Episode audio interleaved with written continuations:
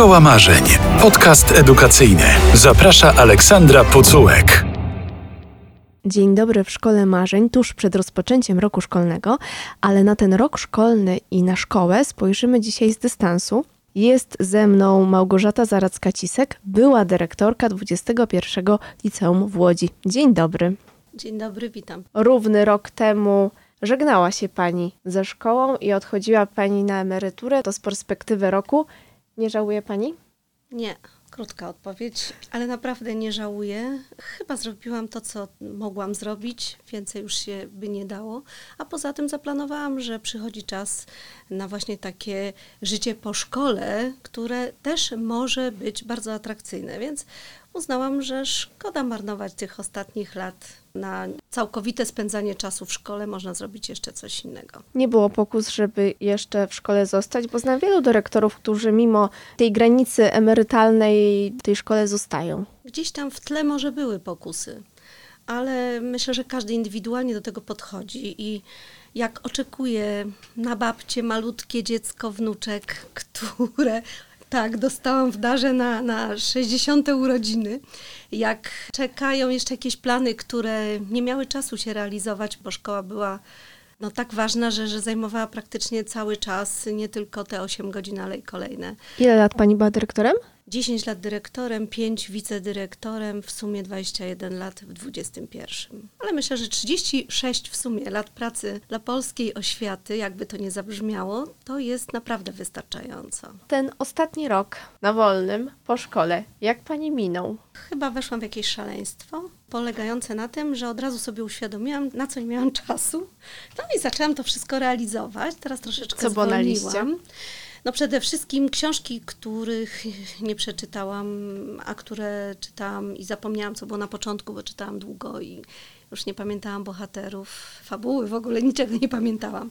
Kawa, która zawsze była w szkole zimna, a tu nagle okazało się, że może być ciepła. Właściwie to chyba trzeba iść do teatru, do kina, więc mój mąż był biedny, bo ja ciągle coś kupowałam i gdzieś żeśmy szli, jechali i tak dalej, tak żeby, a to jakiś koncert, a to coś. A on jeszcze razie, on do jeszcze emerytury tak. trochę ma. No jeszcze ma.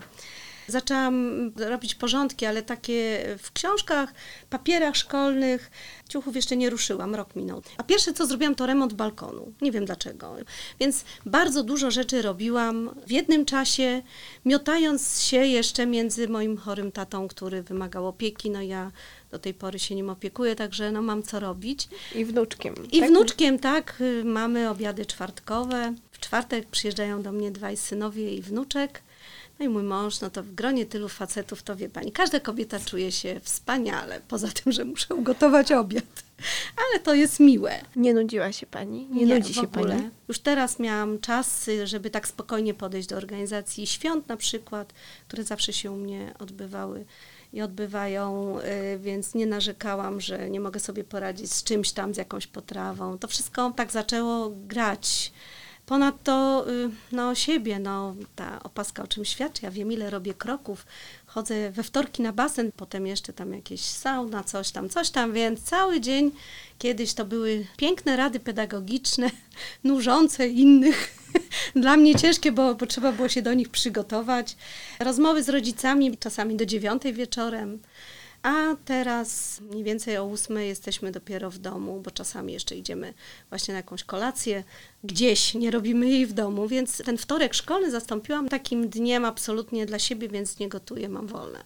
A teraz latem działka na jakiś wyjazd, no i znowuż tam, jak był 8 marca, to zorganizowałam dla znajomych kobiet wyjazd do Warszawy, do teatru. Zawsze coś tam, a już wiem, co ja pierwszego zorganizowałam, poza remontem balkonu. Ja zrobiłam dla moich kolegów z liceum, czyli też z 21, imprezę z okazji 60. urodzin. Było super, pobawiliśmy się, zjedliśmy urodzinowy tort, no więc fajnie było. Także tak to właśnie jest na emeryturze, na Dniu Nauczyciela. Jeden z nauczycieli mnie zapytał, czy ja tęsknię za nim. Ja, ja mówię nie.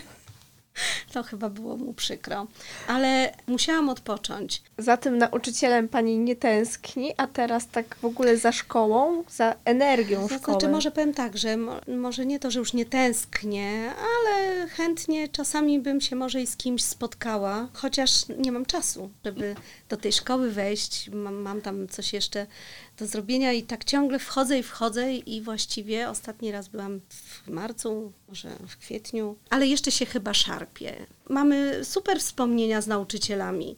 Wspólne wyjazdy, wycieczki, było lepiej, gorzej, ale wyjazdy zawsze bardzo integrują i nawet jeżeli to były na szkolenia wyjazdy, to one zawsze coś wnosiły nowego, zawsze można było sobie coś szczerze powiedzieć. Myślałam, że łamie się pani pod tym względem, żeby gdzieś jakieś godziny mieć tej geografii nie, nie, nie, nie, nie, nie. hitu.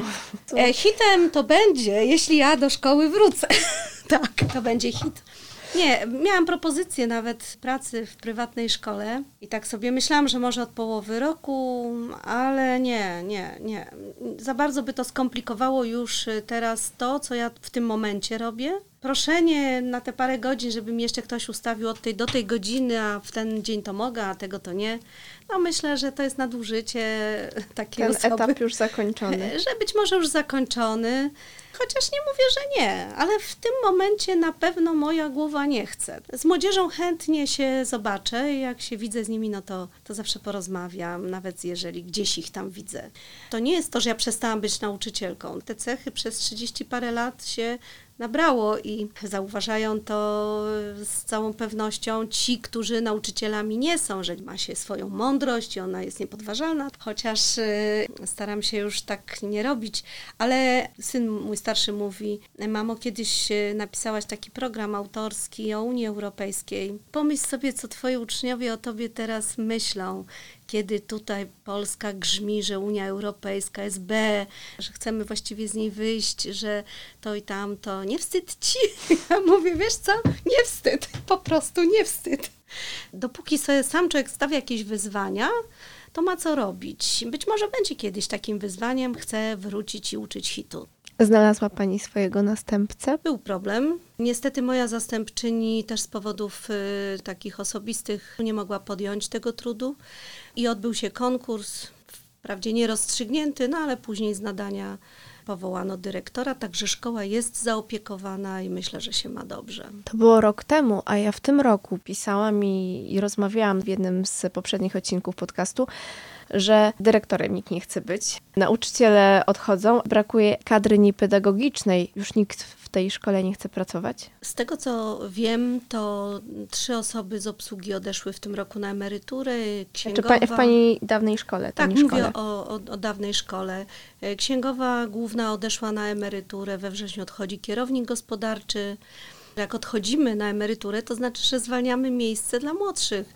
Przecież czasy są inne. My być może już zrobiliśmy swoje. Dlatego uważam, że, że młodzi ludzie w tym nowym czasie lepiej się sprawdzą, dlatego trzeba dać im szansę. No, ale są ci młodzi? Trochę się wahają, powiem. Trochę się wahają, dlatego że te warunki, to otoczenie, że tak powiem, w tym także finansowe, ale i prawne, czyli ciągle zmieniające się przepisy prawa, nie nadążanie wręcz za tym, co niesie minister edukacji i w ogóle taka sytuacja w kraju, no powodują, że, że jest duże zniechęcenie młodych ludzi. Młodzi ludzie chcą zacząć pracę, chcą się rozwijać, chcą być samodzielni, chcą też zbudować swoje życie. Z wynagrodzenia nauczyciela, a nawet dyrektora szkoły jest to bardzo trudne. Bez rodziców nie dadzą rady. Czemu nikt nie chce być dyrektorem? Już nikt nie chce zarządzać, kierować? Duża jest odpowiedzialność, ale my się tej odpowiedzialności nie boimy, bo wiadomo, kto się decyduje zostać dyrektorem, to odpowiada za każdego człowieka, który jest w szkole, czyli powiedzmy 500, 300, 200 uczniów, zależy jaka duża szkoła, plus pracowników. Więc ta odpowiedzialność, my jesteśmy na nią przygotowani. Natomiast y, właściwie straciliśmy poczucie bezpieczeństwa, tak to ogólnie nazwę, jeżeli chodzi właśnie o bycie odpowiedzialnym. Czyli w momencie, kiedy ja już wiem, że są jakieś unormowane przepisy, w momencie, kiedy już jest wiadomo, jak sobie poukładać zasady, procedury, regulaminy, to nagle to wszystko się zmienia. Nagle wchodzą te nowe osoby w różne miejsca, które się znają bądź nie znają, mają swoje wyobrażenie.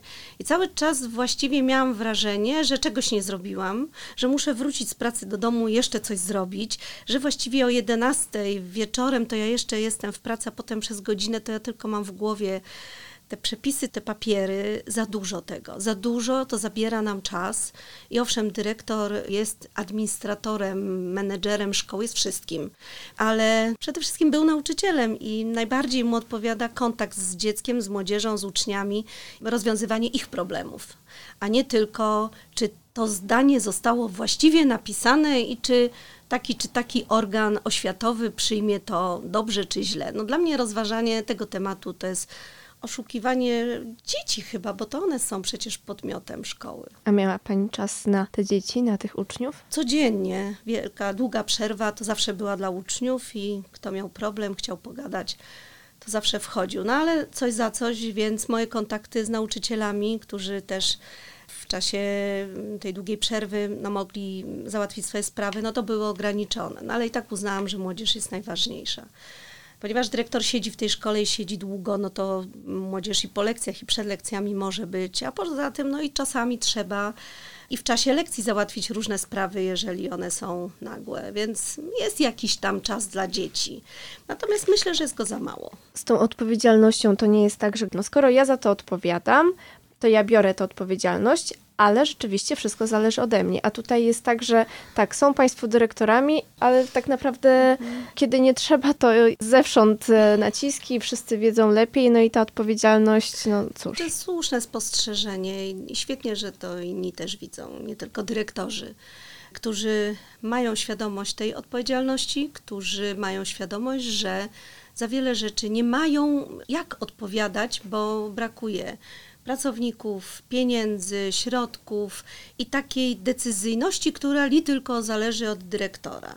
A przecież jesteśmy pod kontrolą zarówno władz miejskich, jak i oświatowych, kuratoria, Wydział Edukacji, one cały czas nad nami trzymają pieczę. Właściwie dyrektor jest taką trochę marionetką. Kiedy to jest wygodne, to ma być odpowiedzialna za wszystko, a kiedy podejmie jakieś decyzje, to kto nadał takie uprawnienia? Stwarzamy jak najbardziej elastyczny system, jak przychodzą uczniowie z Ukrainy, czyli dyrektorze decyduj sobie sam, my umywamy ręce. Oczywiście nazywamy to elastycznym systemem.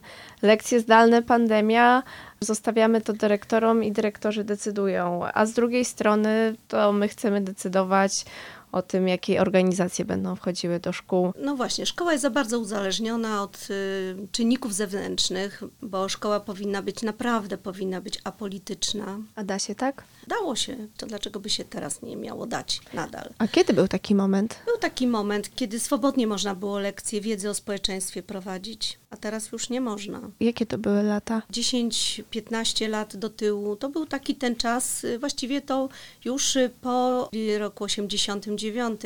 Tam poczuliśmy powiew y, wolności i także w głowach naszych nauczycieli, ale i uczniów pojawiła się taka przestrzeń do mówienia o tym, co to znaczy być wolnym, co to znaczy decydować, co to znaczy być odpowiedzialnym za swoje decyzje. Przecież my jesteśmy dorośli, ale młodzież ma mieć jakieś wzorce. Nie można oszukiwać, nie, nie wyłączymy wszystkim telewizorów, nie zabierzemy smartfonów. Teraz to właściwie jest taka trochę próba nauczenia, jak wyselekcjonować wiedzę, jak sprawdzić, co jest prawdą, a co nie jest prawdą. Słuchasz podcastu Radia Z. Powiedziała Pani o wzorcach dla uczniów. Tak jak obserwuję sobie tę grupę nauczycielską, to nie jest tak, że jednak tak jest w szkole, dlatego że w tym środowisku jest dużo strachu. Pamiętam, że nieraz, co chciałam zapytać cudzysłowie kontrowersyjnego, bo to według mnie były normalne tematy, to dzwoniłam właśnie do pani, bo wiedziałam, że pani mi powie szczerze, pod nazwiskiem, nie bojąc się nikogo. Często mówili mi, Niech pani nie pisze, która to szkoła, niech pani nie pisze mojego nazwiska. O co chodzi? Y, Ja tego nie rozumiem. Mnie się wydaje, że jest też w środowisku takie zastraszenie, mówię o nauczycielach, że tak jakby to wszystko się przekłada. Ale to też słusznie jeden polonista zwrócił mi na to uwagę. Ale czego się tutaj bać? No jak straci pracę, to znajdzie wszędzie lepiej płatną niemalże. Takie zdanie to zawsze też miałam, że y, dobry nauczyciel zawsze znajdzie pracę i nie ma problemu z tym. Karta nauczyciela broni nauczycieli, ale raczej z tych słabszych niż tych, którzy są dobrzy. Natomiast ten nauczyciel też miał rację.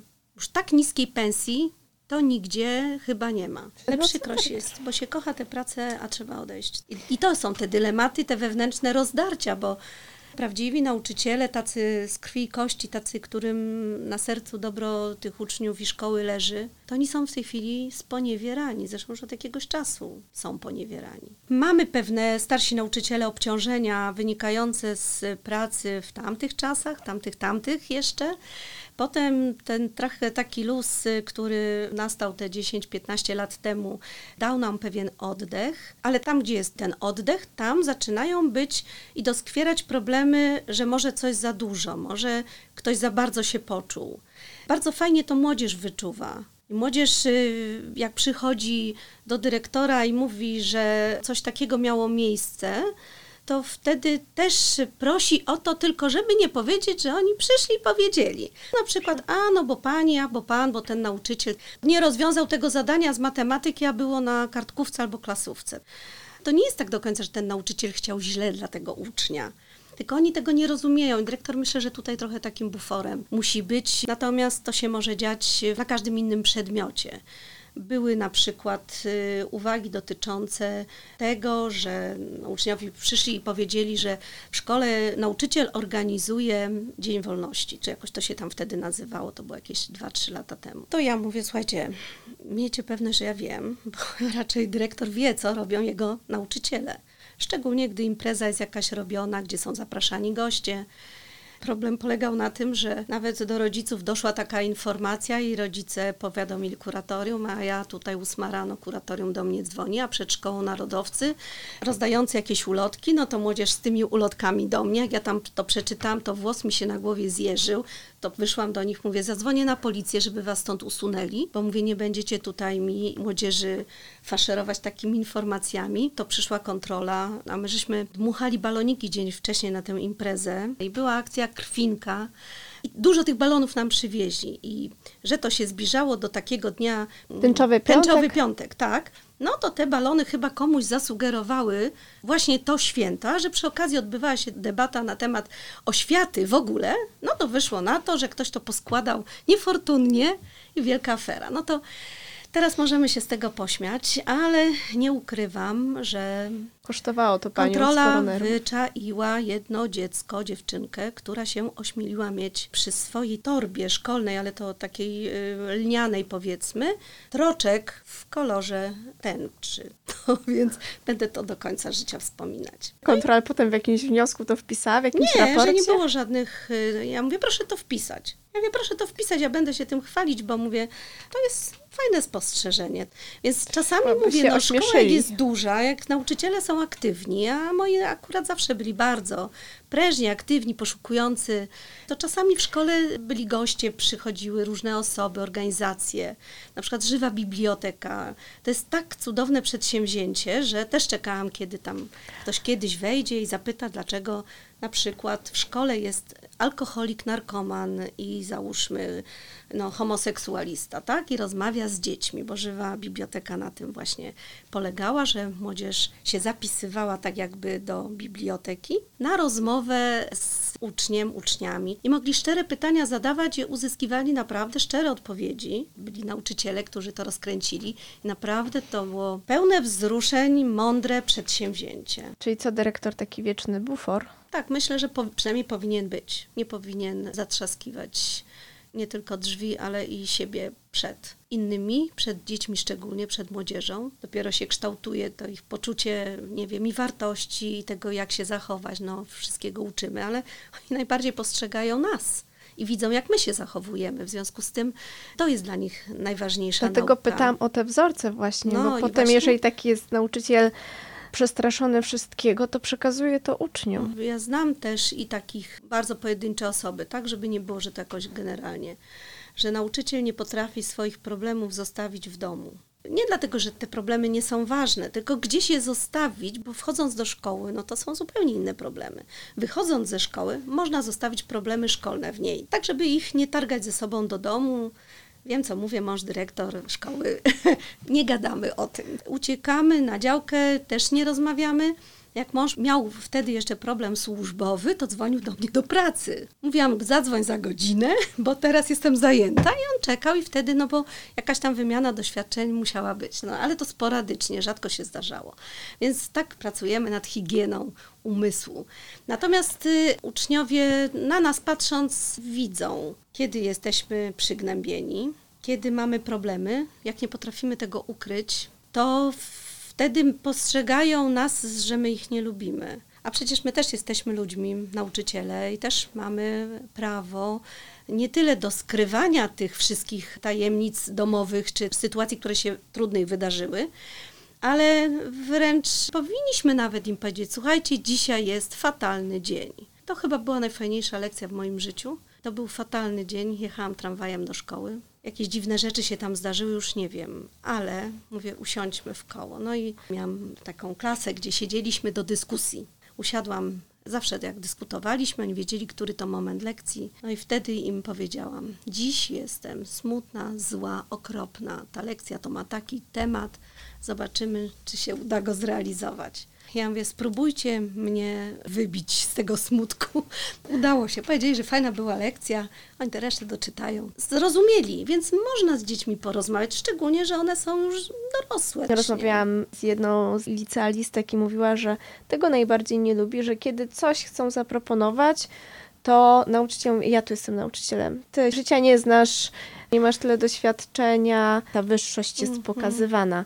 No nie jest kiedyś... dobre, natomiast myślę, że wszystkiego nie można zrobić. Nam też może i trudno jest się przyznać, no niestety nie umiem tego zrobić.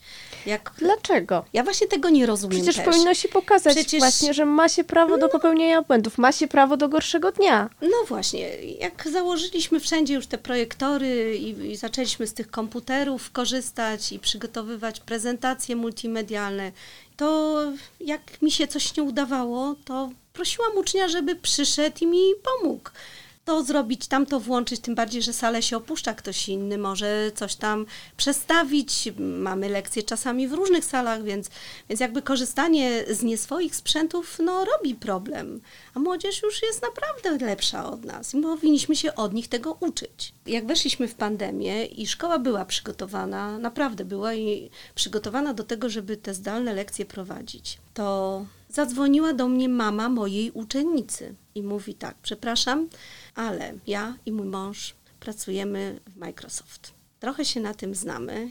Jeśli pani chciałaby, to ja bardzo chętnie. Mówię, da mi pani jeden dzień. No i tak zaczęłam ten jeden dzień, myślałam, myślałam, myślałam, myślałam, aż w końcu zadzwoniłam do niej i mówię, uczymy się. Poprosiłam cudowną sekretarkę, wówczas Ole, młodsza znacznie ode mnie i mówię, Ola, ty będziesz moim mózgiem, jak mój mózg zaszwankuje. Uczymy się tego, co pani Ewa powie dokładnie krok po kroku. Telefon miałam wyłożony, pani zrobi teraz to, proszę przełączyć tamto, tu, tam. Tak założyłyśmy naszą pierwszą grupę na Teamsach, to ja po prostu byłam tak szczęśliwa, jak nie wiem co, no chyba jak dzieci, jak dostaną loda. No, szóstkę. Szóstkę, o właśnie, tak szkolnie.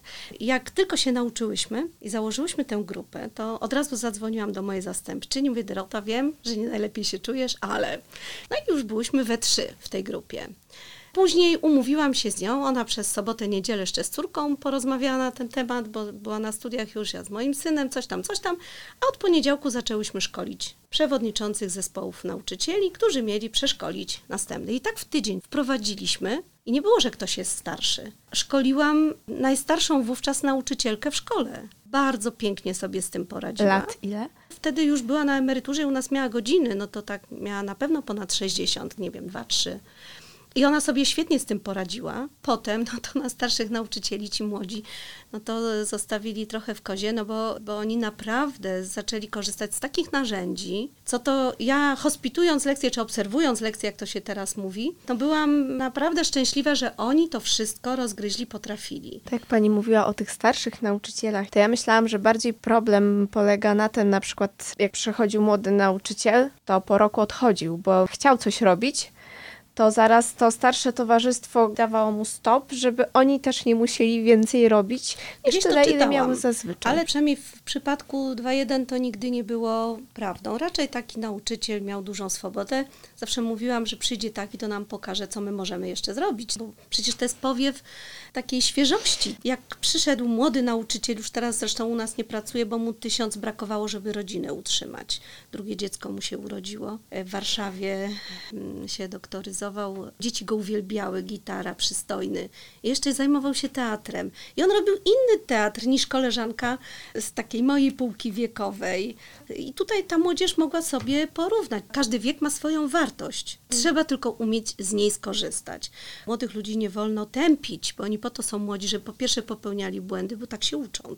Żeby coś wnieśli nowego, bo my na to byśmy już nie wpadli. To chyba jest jednak domena dużych miast. Bo Jak rozmawiam z takimi mniejszymi miejscowościami, to, To tak jest. I to się w ogóle wydaje, że, że jednak nauczycieli to się powinno częściej przestawiać ze szkoły do szkoły. Bo nie warto zasiedzieć się, bo wtedy człowiek popada w tak, a uznali mnie za takiego, co nic nie robię. No to co ja mam robić, żeby nie wyszło, że ja naprawdę nic nie robię? To będę pisał książki, tak? Albo felietony, albo coś tam.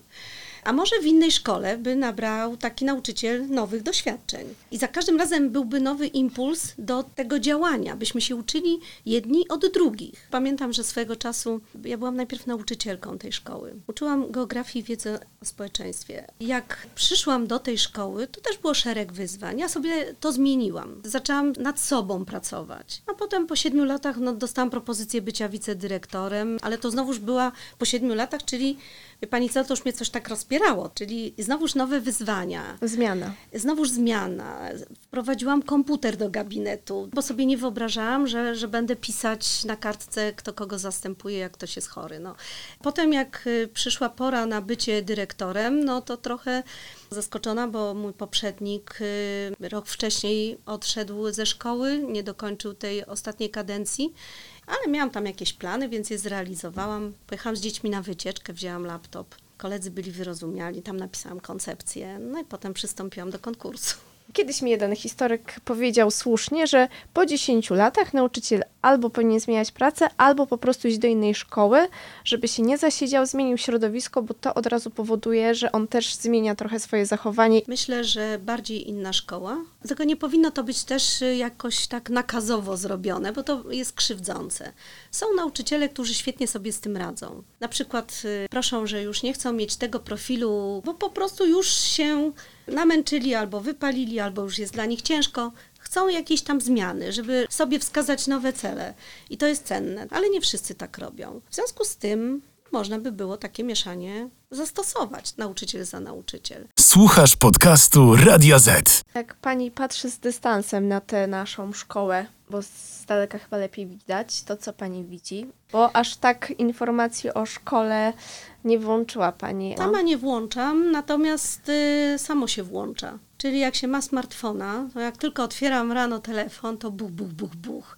Minister edukacji to, to, tamto, brakuje nauczycieli, dyrektorzy są niechętni, podwyżki 20%, aż tu nagle 4,4 i te wszystkie informacje docierają mimowoli, czyli gdzieś tam pyk i już to czytam. No niestety te przekazy w moim smartfonie są no, niepokojące bardzo. Żal mi szkoły jako instytucji, żal mi nauczycieli jako tych, którzy w tych instytucjach funkcjonują i mają mało możliwości. Żal mi też i tych dyrektorów, którzy są bezradni właściwie. Może za moich czasów dało się jeszcze wizję złapać, ale teraz ja już bym nie umiała tego zrobić. Ja nie wiem, ja nie widzę. Ja nie widzę w tych warunkach możliwości stworzenia realnej wizji, która była zgodna z y, kierunkami polityki, powiedzmy, państwa. A uczniów pani nie żal? Znaczy uczniów to mi przede wszystkim żal, bo ja myślę, że szkoła się skończy. Ja myślę o moim wnuczku, który też pewnie pójdzie za jakieś 5 lat do szkoły i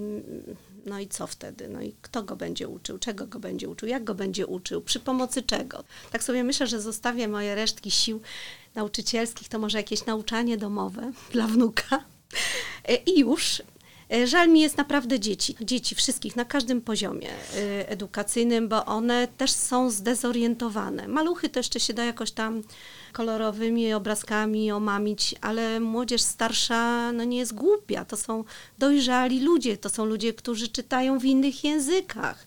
To są ludzie, którzy znają języki, którzy potrafią zweryfikować i wiedzą, co jest prawdą, co fałszem. I może czasami spłycają te informacje, ale chyba jak y, większość mówi o tej starej kadrze, to, to sporo nauczycieli nie znało języków y, obcych tak bardzo, żeby, żeby gdzieś w jakichś tam timesach zweryfikować, czy to prawda, czy to nieprawda. Z tą edukacją domową to mnie pani zaskoczyła, bo to myślałam, że nauczyciele to jest ostatnia myśl, żeby swoje dzieci czy wnuki do edukacji domowej. A może nie będzie wyboru? No, na domowe nauczanie poszedł uczeń, on świetnie zaliczył wszystkie przedmioty egzaminami. Ja mówię, a co robiłeś, jak ciebie tu nie było? On mówi, pojechałem do Brukseli. Uczniowie kiedyś mi powiedzieli, że na zdalnym jest im lepiej, bo nie tracą czasu. No więc mnie to ruszyło. Ja mówię, co to znaczy nie tracicie czasu? No bo na dojazdy trzeba tracić czas. Dużo mamy uczniów w każdym, w każdym zresztą łódzkim liceum. Jedna trzecia to są uczniowie przyjezdni. Oni jeżdżą pociągami, autobusami, są dowożeni przez rodziców samochodami, dojeżdżają sami jak już mogą. I to jest naprawdę bardzo uciążliwe. Godzina w jedną stronę to jest minimum. Miałam kiedyś taką uczennicę z Koluszek, która mówi, że już tak się nauczyła w pociągu uczyć, wykorzystuje ten czas na naukę, na przygotowanie się do lekcji że nawet w sobotę i w niedzielę, jak musi się uczyć, to nie potrafi w domu, wsiada w pociąg, jedzie do Łodzi z powrotem jest nauczona. Więc było to dla mnie bardzo nieprawdopodobne, bo w życiu nie pomyślałabym, że też tak można dobrowolnie wejść do pociągu, usiąść. Wtedy mówi najszybciej wchodzi jej nauka. Natomiast ja myślę, że im chodziło jeszcze o coś innego, z tą stratą czasu. Młodzież czasami myślała, że my, jak są takie normalne lekcje i te przerwy między nimi, i cały ten rytuał klasowo-lekcyjny, i tu przemieszczanie się, i tu, to gdzieś ten czas jednak ucieka. A jak oni tylko od tego komputera do toalety i po herbatę, no to więcej tego czasu zaoszczędzili. Oczywiście, że to jest na krótką metę, że nie można całe życie siedzieć przy komputerze i przy kamerce. I że na szkoła- tym też polega Mm, szkoła, Dokładnie. się na tej Więc, przerwie y, spotkać. No ale to jest właśnie brak jeszcze tego doświadczenia i tej dojrzałości pełnej.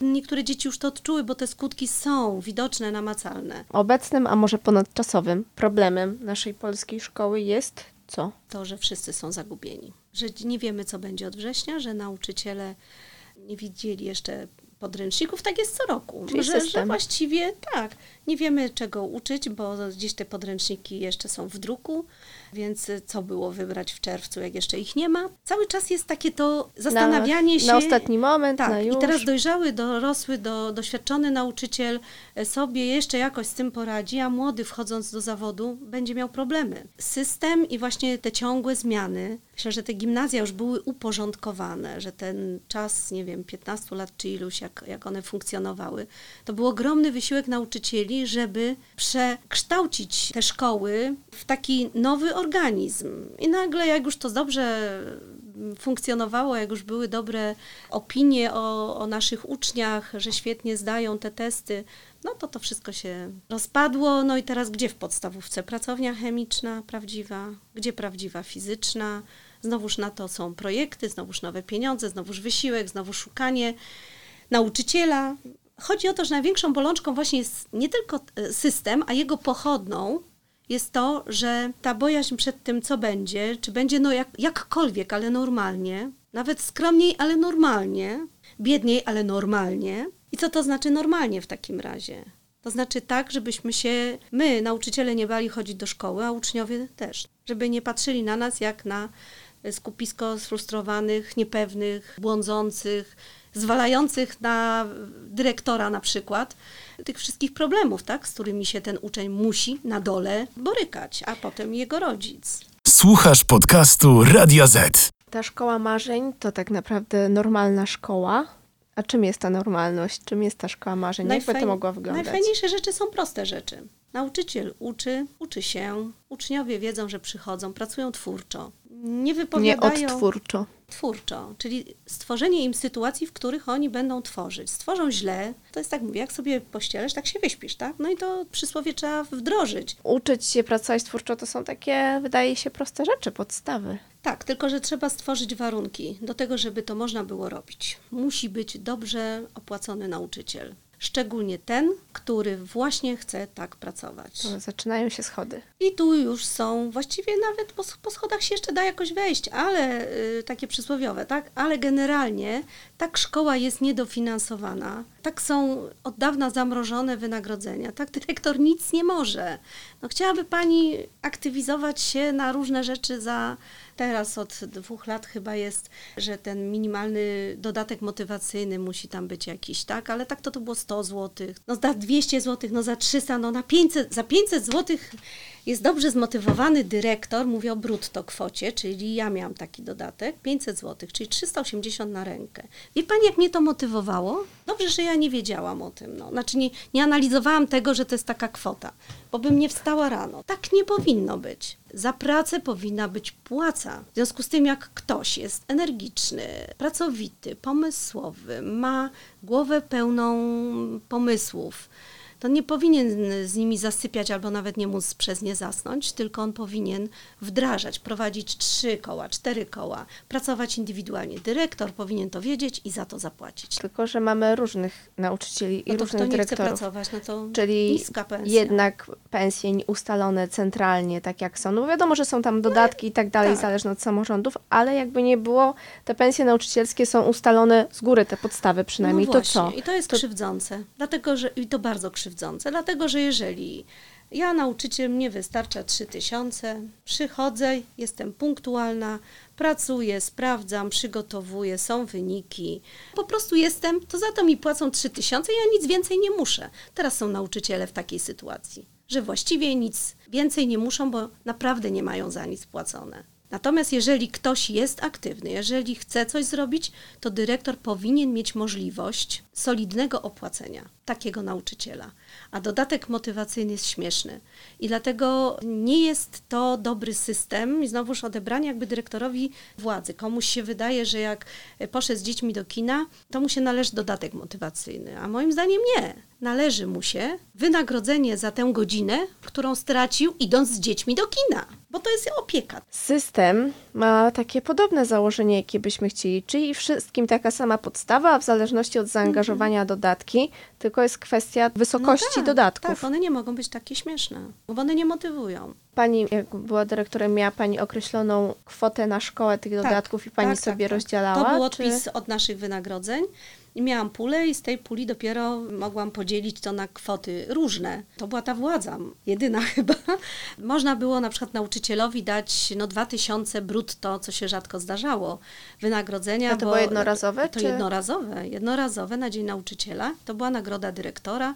No i zwykle zdarzyło mi się chyba dwa czy trzy razy dać komuś taką wysoką nagrodę, brutto cały czas powtarzam, ale to nauczyciel wtedy miał na przykład dwóch finalistów czy laureatów w olimpiadach lub jakiś super projekt zrobił, no, no coś naprawdę wyjątkowego. Zaczęłyśmy od tego pierwszego schodka, czyli żeby nauczyciel mógł stwarzać takie warunki, no to musi być dobrze opłacany, a są jeszcze schodki wyżej. Musi się stać taki przełom między nauczycielami, dyrekcją, pracownikami obsługi, administracji, uczniami, czyli cała społeczność szkolna, to powinni jednak usilnie dążyć do realizowania wspólnego planu. W takim dużym gronie nie da się to zrobić. e, żeby wszyscy byli zadowoleni. No to zawsze ta ostateczna decyzja no jest y, przypisana dyrekcji, mówię dyrekcji, nie dyrektorowi, bo, bo jest, jest jeszcze zawsze zastępca, no i tutaj są tacy nauczyciele, którzy generalnie z charakteru, z zas dla zasady i tak dalej migają się od y, wszelkiego działania, ja nic nie chcę, ja tutaj właściwie tylko sprzątam i wychodzę. To niech nie mają pretensji, że nie mają dodatków, że nie mogą wnieść niczego nowego. Czyli współpraca. Jeśli Tak, chodzi o te tak, relacje, to współpraca. Ja współpraca. próbowałam stworzyć współpracę chociażby w zespołach przedmiotowych. Jedna głowa nie jest w stanie wymyślić e, tego, co 5, 6, 10 głów. a poza tym wszystko, co jest przemyślane, no, trzeba przedyskutować, pokazać, jakie są plusy, minusy tego działania, żeby no, zrobić najlepiej jak się da, najniższym kosztem, a poza tym my też nie jesteśmy niezniszczalni. No co z tego, że ja sama wejdę w projekt, jak zachoruję i już nikt nie wie, co ja chciałam zrobić. Czyli musi być zespół. I tutaj zaczynają się progi. Wielu nauczycieli jest no, singlami w pracy. Sami najlepiej wiedzą, co chcą zrobić i gdzieś nikt nie wie, dokąd się dąży, Fakt, że to cel jest osiągnięty i to wychodzi fajnie, ale po drodze właściwie potrzebne jest duże zaufanie, żeby ta osoba, która prowadzi, no nie wprowadziła w przepaść. Tak? Nie nauczono współpracy.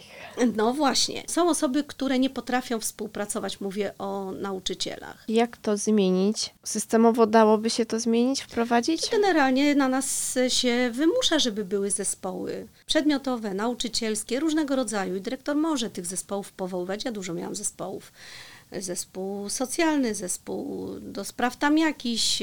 Nauczyciele obciążeni są poza tym kontaktem z uczniem, sprawdzaniem klasówek, przygotowywaniem się do lekcji, jeszcze takimi sprawami administracyjnymi, czyli ankietowanie, inwentaryzację i Bóg wie jeszcze co, to jest też wkurzające, dlatego że brakuje administracji takiej, która by to mogła robić, a żeby nauczyciel pracował tylko jako nauczyciel. Na przykład dyrektor wymyśli, że trzeba ankietować nauczycieli pod jakimś tam kątem, no to niech ten człowiek administracyjny opracowuje ankietę, sprawdzi, przeliczy i, i wyciągnie wnioski a nie ma to robić nauczyciel czy dyrektor sam. A w szkole marzeń też by widziała Pani taki podział 45 minut dana godzina lekcyjna, przerwa, kolejna godzina Niekoniecznie. lekcyjna? Niekoniecznie, dlatego że czasami tematy są obszerne i trzeba dzielić je na dwie lekcje. Potem się tej drugiej lekcji traci 10 minut, żeby przypomnieć, co było na tej poprzedniej lekcji. No zwykle się tak robi, że gdzieś tam nawiązuje, ale na przykład jak ja uczyłam dzieci, jak negocjować, zawsze mi brakowało tego czasu. Zawsze kolega, który miał po mnie lekcję, prosiłam, mówię, słuchaj, błagam, nie katuj tych dzieci, bo one jeszcze przerwę będą siedzieć, bo może się tak zdarzyć, że nie dokończymy. Dzieciom się podobają rozmowy, debaty, chcą uczestniczyć w życiu szkoły, chcą, żeby od nich coś zależało. Na początku mojego dyrektorowania w szkole zrobiliśmy debatę o przyszłości oświaty w Polsce byli dyrektorzy, samorządy uczniowskie. Zaprosiliśmy władze lokalne, kuratorium nikt nie przyszedł. Młodzieżowa Rada Miejska przyszła, z Wydziału Edukacji ktoś był. Jakie te dzieci były szczęśliwe, jak zobaczyły. Pan Chętkowski, nauczyciel, był prowadzącym to spotkanie. Młodzież przygotowała prezentację o tym, jak w Finlandii, jaki jest system edukacji. W Wielkiej Brytanii, gdzieś tam jeszcze nie pamiętam już teraz, bo to trochę lat minęło. Oni zachwyceni byli tym, co zobaczyli, a potem mówiliśmy o tym, jak jest u nas i co by należało zmienić. Zapisaliśmy te wnioski, rozesłaliśmy do władz i skończyło się. Na pewno było właśnie coś takiego, że trzeba zburzyć tę barierę między stołem nauczyciela a stolikami uczniów. A jeśli chodzi o weryfikowanie wiedzy, taki system ok? Taki do końca też nie jest ok, bo no jakoś trzeba tę wiedzę sprawdzić. No nie może być tak, jak jest na przykład na studiach, że nie wpuszczę cię do laboratorium, jak nie zdasz kolokwium wstępnego. No nie można go zostawić poza klasą. Też chyba nie można przyjąć czegoś takiego, że robimy na koniec semestru, czy półrocza, czy, czy roku jeden wielki egzamin i Bóg, zdajesz, nie zdajesz i tak dalej. Dużo bierzemy pod uwagę właśnie tych elementów takich wychowawczych, co spowodowało, że to dziecko nie jest w stanie, że, że się nie nauczyło, że, że ma jedynki. No to dobrze jest, że to się właśnie bierze pod uwagę ale gdyby klasy nie były tak liczebne, żeby było mniej tych uczniów, na przykład... A jest ile? 32, te, troje? Teraz w tym roku słyszałam, że prikaz na 33 osoby w klasie. No to trzeba będzie w mojej szkole krzesełka dostawiać ten nauczyciel, który ma jedną godzinę w tygodniu przedmiotu i 33 dzieci, nie jest w stanie dotrzeć do każdego, sprawdzić, dopytać, dlaczego się nie, nie odpowiedział na to pytanie, dlaczego nie umie brać udziału w dyskusji. Nie ma póki co przy takiej liczebności klas możliwości weryfikowania wiedzy jakby inny sposób. Poza tym u nas jeszcze w tym środowisku to jest bardzo powolny proces. Można się do tego przymierzyć. I uważam, że ta ocena czwórka, trójka, piątka i tak dalej, to to niczego nie mówi, tak? Naprawdę. O niczym to nie świadczy. Stopień nie zawsze i nie tylko powinien być tym, co daje możliwość dokonania oceny. Natomiast też nie jesteśmy w stanie zrobić ocenę opisową, tak jak jest w młodszych klasach szkoły podstawowej, bo nie mamy tyle lekcji z uczniem. Kończąc już, e, czego życzyłaby Pani nauczycielom na ten nowy rok szkolny? Życzę, żebyście dostali jednak wyższe wynagrodzenie, bo po prostu na to zwyczajnie zasługujecie. Życzę, żebyście wytrwali jeszcze chociaż jeden rok. Dajmy szansę władzom, rządowi, ministrowi, żeby nie wprowadzali żadnych niepotrzebnych rzeczy, które będą tylko burzyły spokój w szkole. A w szkole powinien być spokój, bo uczniowie na to po prostu zasługują. To było Także- moje drugie pytanie. Kończące, czego Pani życzy uczniom? No właśnie, życzę Wam, żeby się nauczyciele nie bali, żeby się przymierzyli do, no właśnie już do tej nowej szkoły, chociaż ona nie jest jeszcze nigdzie zapisana, żeby się otworzyli, żeby otworzyli własne umysły i serca na jakąś nowość, która ich zdaniem jest nowością. A wy im podpowiedzcie po prostu, co to ma być, tak? Czy mają być te jedynki, czy nie? Czy trzeba coś zmienić, czy nie? Uruchomią się samorządy, może tutaj w ten sposób też pomożecie nauczycielom zmienić zdanie, żeby już nie odchodzili do tej biedronki na kasę. Kto was będzie uczył? Ta pani z, czy ten pan z biedronki? No przecież jak wtedy będzie? Czyli oddolnie te zmiany. Tak, ja Trzeba. myślę, że one są najważniejsze, że pobożnym życzeniem jest, żeby coś się zmieniło się na górze. Natomiast y, no jeszcze może rok zacisnąć trzeba zęby, biernie się nie poddawać, tak? Robić swoje, uczyć tak, jak nam serce podpowiada. A uczniowie niech powiedzą, czego by oczekiwali. Nie wolno milczeć. Nie wolno milczeć, dlatego że milczenie jest pożywką dla tych, którzy nam wkładają, co im się podoba A co po tym roku? jak zobaczy się, co będzie w tym roku, to dopiero będziemy analizować, bo jeśli już ta zmiana jakaś finansowa nastąpi, jeśli może się okaże, że nowe przedmioty, nowe spojrzenie na szkołę, to takie obecne, nie zaskutkuje, to może się okazać, że faktycznie doły wezmą sprawy w swoje ręce i zostawimy dzieci w domach. Pięknie dziękuję za rozmowę. Przyłączam się do tych życzeń na nowy rok szkolny i ten nowy rok szkolny będziemy szczegółowo obserwować e, w Radiu Z. Polecam i zachęcam. Dziękuję pięknie. Dziękuję również, pozdrawiam wszystkich. A więcej naszych podcastów można znaleźć na player radioz.pl i Spotify. Do usłyszenia. Szkoła Marzeń. Podcast edukacyjny. Więcej podcastów na player radioz.pl.